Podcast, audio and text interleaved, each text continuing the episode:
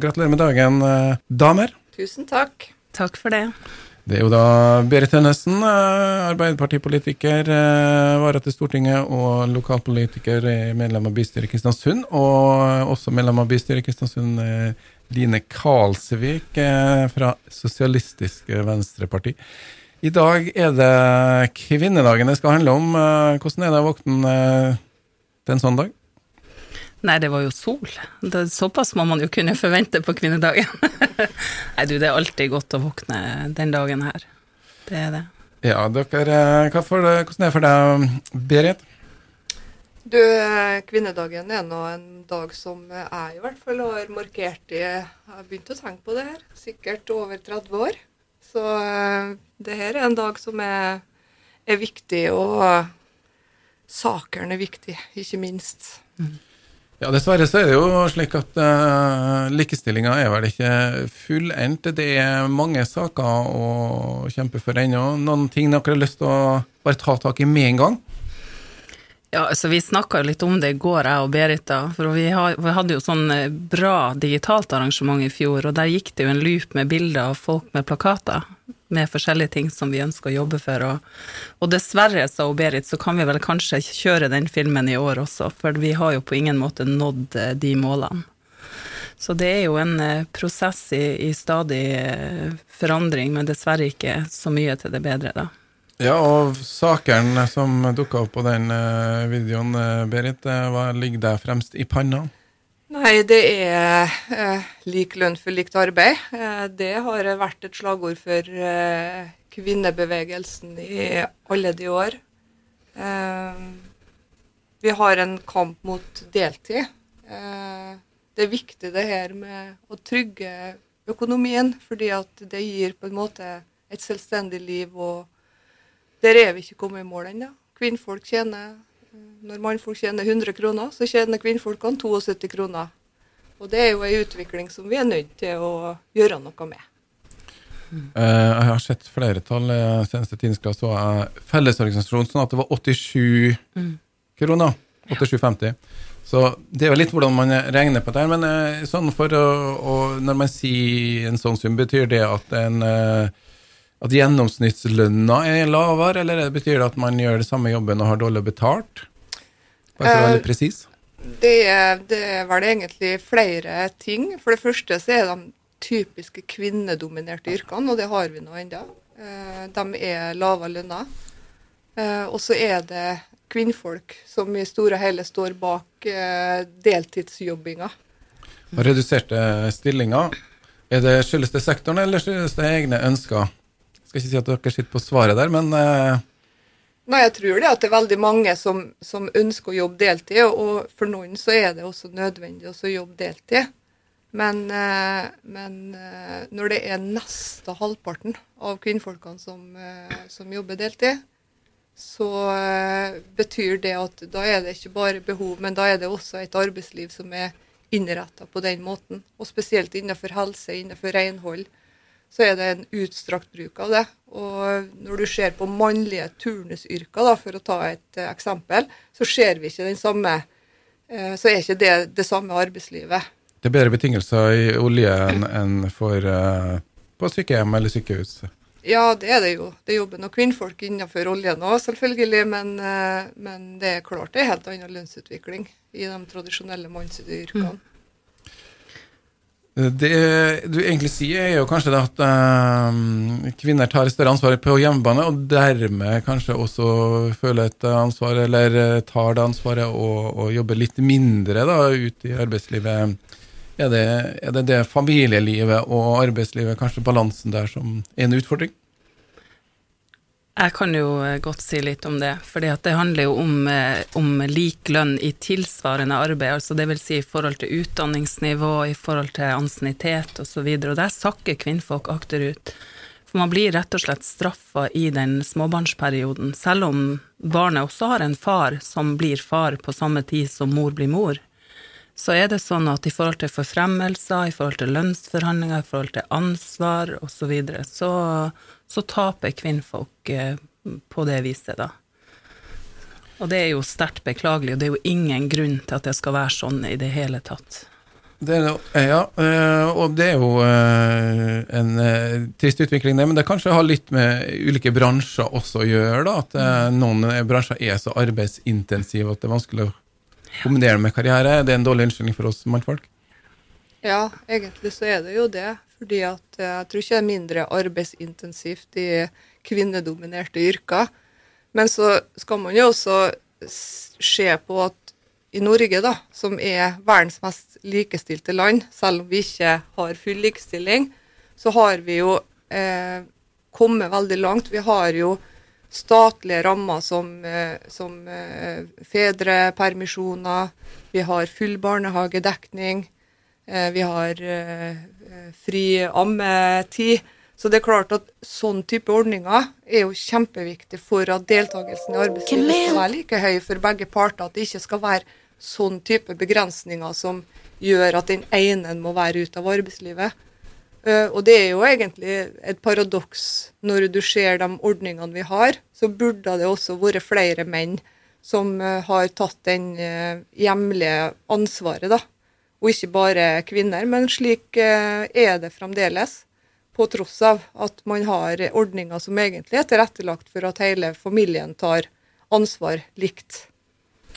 Vi skal ta eh, statusen på likestilling eh, etter hvert. Det, er fortsatt kvinner som tar størst ansvar på hjemmefronten, men vi skal også høre litt om andre områder hvor da f.eks.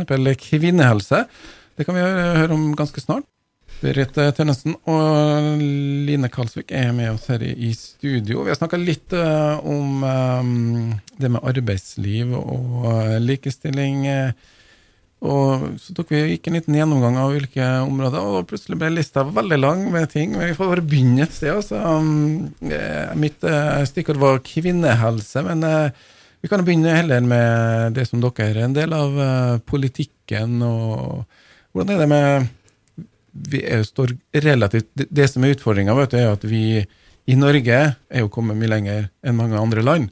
Så vi menn vi føler jo gjerne at ok, men vi har kommet langt. Men hvordan er ståa egentlig politikken og likestilling?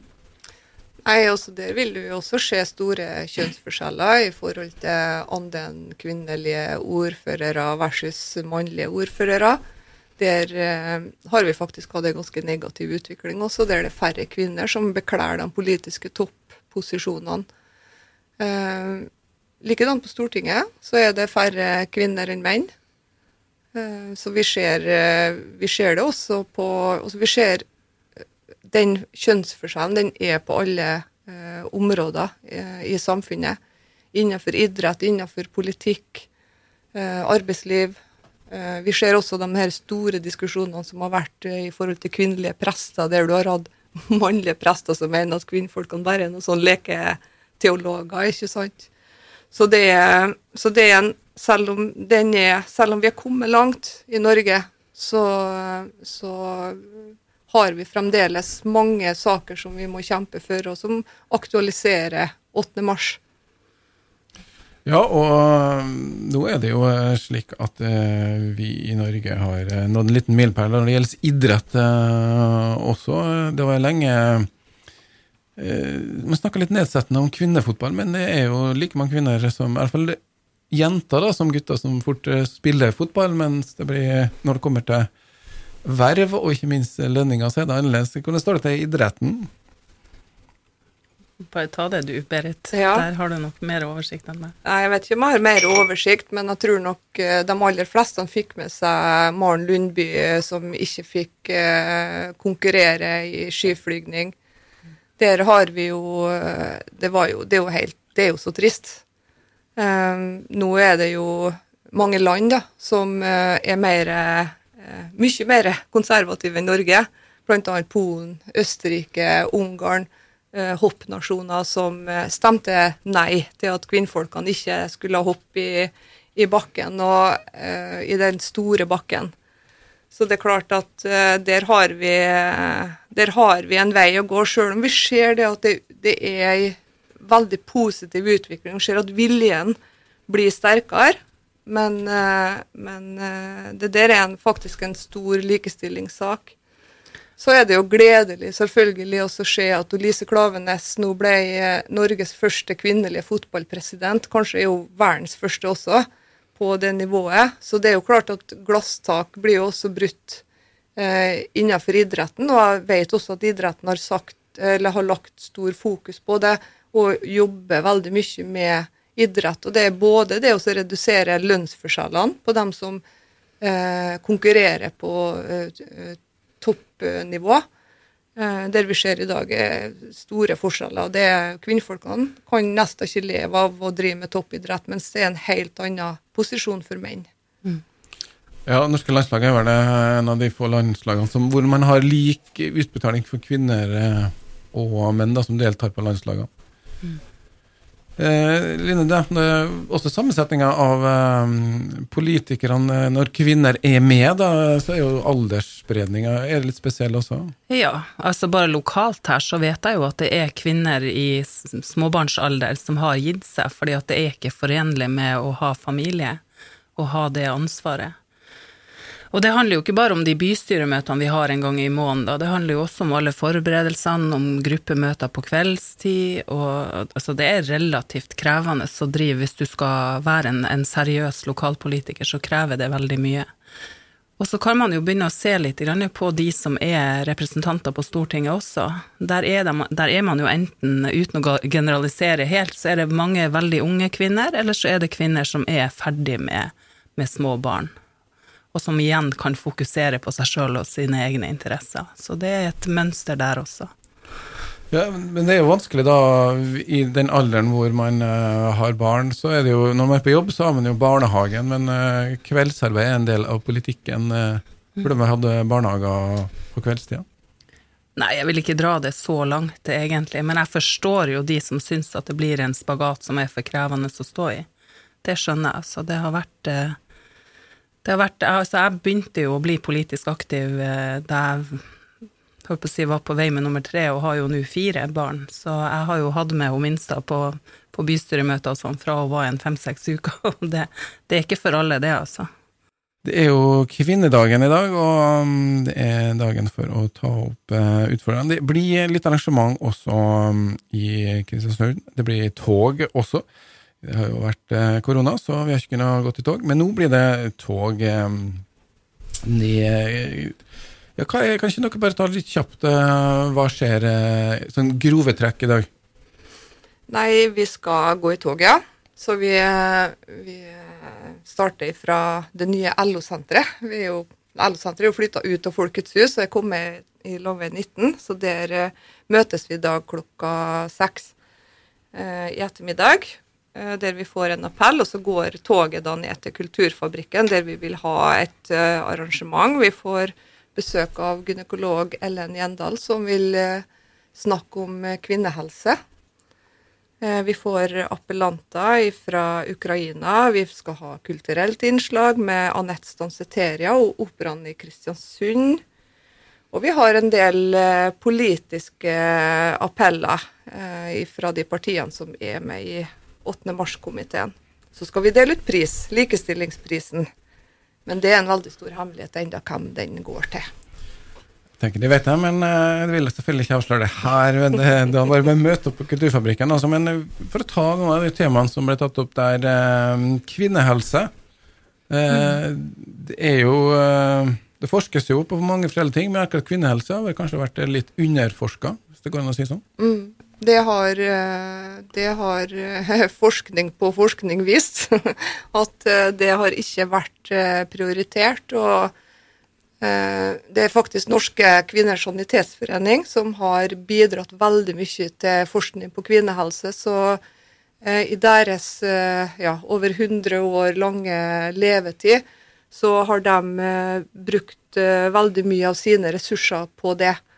Eh, det vi erkjenner i dag, det er jo ikke bare, jo ikke bare uh, typiske sånn kvinnesykdommer. Hvis vi ser på hjertelidelser, f.eks., så vet man nå at kvinner har helt andre symptomer enn menn. Uh, og det er det forska veldig lite på. Og likedan så er den medisinen som er laga for slike typer hjertelidelser, det gis til begge kjønnene, men man er faktisk usikker på om de hvordan de fungerer hos kvinner. Så, og det er jo bare ett område. Vi er jo eh, laga ulikt. Eh, kvinnekroppen og mannekroppen får de samme lidelsene, men har veldig ulike symptomer og da kan man også tenke seg at behandlinga kanskje også skulle ha vært ulik. Ja, eh, det er jo litt med også forskninga i seg sjøl. Man lider jo litt under kvinnemangel. Eh, det er jo den alderen hvor eh, man driver forskning, da, i hvert fall junior eller begynner å forske, så er man ofte nærmere mellom 25 og 30 år, og det begynner jo i tid. Men hva, hva er mer å si om akkurat det med kvinnehelse, Line? Nei, jeg tenker jo at mye av det Berit sier, jeg slutter meg jo til, og så handler det jo om vilje til finansiering. Tror jeg Veldig ofte så er det ikke like spennende eller like attraktivt å, å søke midler for å forske på typiske kvinnesykdommer. For selv om vi har mange av de samme lidelsene som menn, så har vi også en del som er eget bare for oss. Og der er det dessverre lite forskning og og også delvis lite opplysning om både, både symptomer og, og, hva som kan gjøres med da Vi snakka vel litt her i, i pausen om, om, det med å forske på vagina. og der er det jo en del sykdommer vi får eller kan få som menn ikke får. Og, og det er klart at det er et ønske om at det både skal fjernes tabu, men at det også skal prioriteres fremover. Men uh, det må jo være en, en endring på gang, da, for kvinner er jo bedre på skolen får bedre karakterer. Og nå er det vel flere kvinner enn menn som utdannes til leger også, eller som kommer inn, i hvert fall, i siste statistikken som jeg så. Så kanskje det er ting på gang? Ja, vi håper jo det at eh, det vil gi positive utslag òg for forskning på, på spesielt eh, kvinnehelse. Men, men, vi ser jo at sjøl om jentene eh, eller kvinner da tar, at det er flere som nå tar høyere utdanning faktisk enn menn, så er det 20% av dem som ender opp som toppledere. Eh, fremdeles er det 80% av topplederjobbene som eh, bekles av menn. Så det er ikke alltid at en trenger å sette sånn type likhetstegn heller mellom, eh, mellom utdanning, høyere utdanning og det å faktisk eh, eh, ta de her lederjobbene. Jeg tror vi må si at kvinnfolk må tørre å ta plass. Ja, vi må tore å ta plass. og Eh, vi har på en måte også eh, et rammeverk rundt det som sier at vi eh, har mulighetene til å gjøre det. Så vi skal absolutt ikke ta fra kvinnfolkene ansvaret. Men man må også se på strukturene rundt. Også hvem er det som ansetter. Og vi har jo hatt i lovgivning hvordan vi setter sammen bl.a. styrer, der vi sier noe om kjønnsrepresentasjon i dem. Og det er faktisk viktige grep for å synliggjøre at uh, her er det begge kjønn som har uh, kompetanse som, uh, som, trengs for å kunne ta sånn type jobber. Ja, da er vi inne på noe som kanskje um, kvotering Det har jo vært brukt i mange sammenhenger før, og mm. noen er for, og noen er. Det, det jo, kan være stigmatiserende å være kvotert inn. Ja, men uansett så vil ikke kvoteringsreglene, vil ikke kvoteringsreglene tillate at man kommer inn med lavere kompetanse. Så det er ikke slik det fungerer. Men når du har to av samme kjønn som skal bekle eh, stillinger der det ene kjønnet er underrepresentert, og da legger, også understreker også at begge kjønnene er med på det her, så vil man da ha muligheten til å velge det kjønnet som er underrepresentert. Men uansett, inngangsbilletten skal være på en måte både basert på erfaring og kompetanse hos vedkommende. Mm. Man blir jo ikke valgt eller foretrukket fordi at man er av et visst kjønn.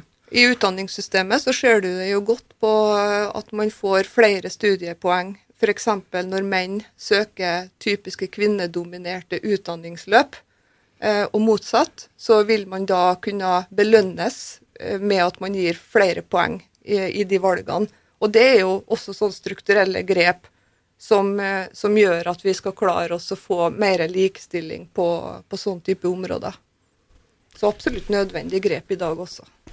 Starte, kanskje I styrerommene eh, Det fortsatt er en del bransjer som er veldig mannsdominerte, og hvor det er veldig vanskelig å, å være kvinne også, blant annet fiskeribransjen. Eh, mm. Er det noe dere kunne tenkt dere? Det med fiske? Jeg, vet ikke akkurat om det er tida for oss å skifte yrke for min del, men jeg har jo ei utradisjonell uh, utdanning. Jeg er jo industrirørlegger og har jobba på Sterkoder i et uh, mannsdominert miljø. Men det gikk helt fint. Jeg ble veldig godt mottatt der og hadde samme forutsetninger for å gjøre den jobben som menn. Så, så han må bare tore å ta valgene. Jeg tror vi må være litt bevisst på hvordan vi snakker til ungene om utdanning og utdanningsvalg. Det er ofte der det starter. Det var slik det kanskje starta med kvinnefotballen også. Jeg må jo huske tilbake da jeg vokste opp, så var det lett å snakke nedsettende om kvinnelige fotballspillere. Men eh, nå er det vel profesjonelle liga både for kvinner og menn, og jeg tror nok eh, rekrutteringa til fotballinteressen er like stor på den kvinnelige sida som det er hos eh, den mannlige sida. Vi eh, er jo i ei tid hvor det er rett og slett krig i Europa. Og Line, du har jo også forska litt på det, skrev om det i hvert fall når du studerte. Ja. Dessverre altfor aktuelt igjen med konflikten i, i Ukraina. Mm. Ja, jeg skrev jo en masteroppgave som het 'Seksualisert vold som strategisk våpen i krig'. Uh, og vi vet jo det på bakgrunn av forskning da, at kvinner og barn er mest utsatt i krigssituasjoner, og da særskilt på flukt. Så vi har jo utallige historier om hva kvinnfolk har måttet ha gjort for å få lov å passere grenseposter, for eksempel, for, for seg og sine barn. Eh, der man strippes for all verdighet, og, og barn gjerne er vitne til det mor blir utsatt for og sånn. Så det er klart at det som, eh, det som dominerer nyhetsbildet om dagen, det berører meg, og alle andre tenker jeg veldig sterkt. Og derfor er jeg jo også glad for at vi skal ha litt fokus på, på Ukraina under arrangementet vårt i kveld. Ja, det er jo et, uh, en krig, da. Det er jo regler i krig, da, men de uh, bruker som regel etter sannheten, så er det de som drar først. men for ikke dvele så mye med akkurat situasjonen i Ukraina, men lovverket er viktig for å, å gjøre likestillinga faktisk nedfelt i, på et papir. Mm. Der er jo politikerne en jobb å gjøre, Berit? Ja da. Det er også denne dagen, altså kvinnebevegelsen, starta jo nettopp med å få stemmerett. Ikke sant? Det å kunne være representert i lovgivende forsamling eh, har jo vært helt vesentlig for eh, dit eh, som vi er kommet i dag. Og vi har hatt eh, flere runder, og har det fremdeles, runder med å forsterke lovverket der vi ser at likestillingsperspektivet er inn. Eh, vi har forsterka lov i forhold til det med vold i nære relasjoner, som eh, er utrolig viktig. Det som før på en måte ble definert som at eh, her måtte partene rydde opp innomhus. Og det er klart at det settes jo også i sterk sammenheng med, med den økonomiske selv... Også ja, hvor, hvor, var ordet? greie seg sjøl økonomisk? Ja, det var mm. ordet. Um, og det er gjennom lovverk at vi klarer å flytte de uh, Av og til så er det museskritt. Vi flytter for å kunne oppnå mer likestilling i samfunnet. Mm. Så det henger veldig tett med politisk vilje, og det så vi veldig godt under forrige regjering, når abort uh, plutselig kom opp på dagsordenen. Og mm. hvem skulle ha trodd at man på 2000-tallet skulle gå i demonstrasjonstog for mm. kvinners uh, selvbestemmelse over egen kropp? Mm. Og det her er så lovgivende forsamlinger, og vilje til det er utrolig viktig. Mm. Uh, men likevel uh, så er det jo ny runde diskusjon om abort. Eh, det er ny generasjon. Eh, hvordan står det til kvinnekampen? Eh, altså, Kvinnedagen har blitt markert i Norge siden 1915. Mm. Det var nytt for meg, men i hvert fall så var 70-tallet og 60-tallet en periode hvor kvinnekampen virkelig kom ordentlig frem og opp, og, og abortkampen mm. var jo selvbestemt abort. Det var jo et viktig tema der. Hvordan står det til med neste generasjon? Har dere noen følelse med den? Ja, jeg tror jo de er mer kompromissløse på mange vis enn det, enn det, vi kanskje har vært. Altså Selvfølgelig så var jo oppblomstringa av den her eh, aksjonsformen i forhold til det med abort og selvbestemmelse og sånn, det var jo, sto jo veldig sterkt på 70-tallet. Men eh, jeg vet jo at en av hovedparolene i Oslo i år er jo, er jo rett til å bestemme over egen kropp og, og det med abortrettigheter for kvinner. Og det er klart at det er jo helt uh, ulogisk å tenke Vi snakka jo om 2000-tallet her, 2022 så er det andre som skal bestemme hva du skal få lov å gjøre med din egen kropp.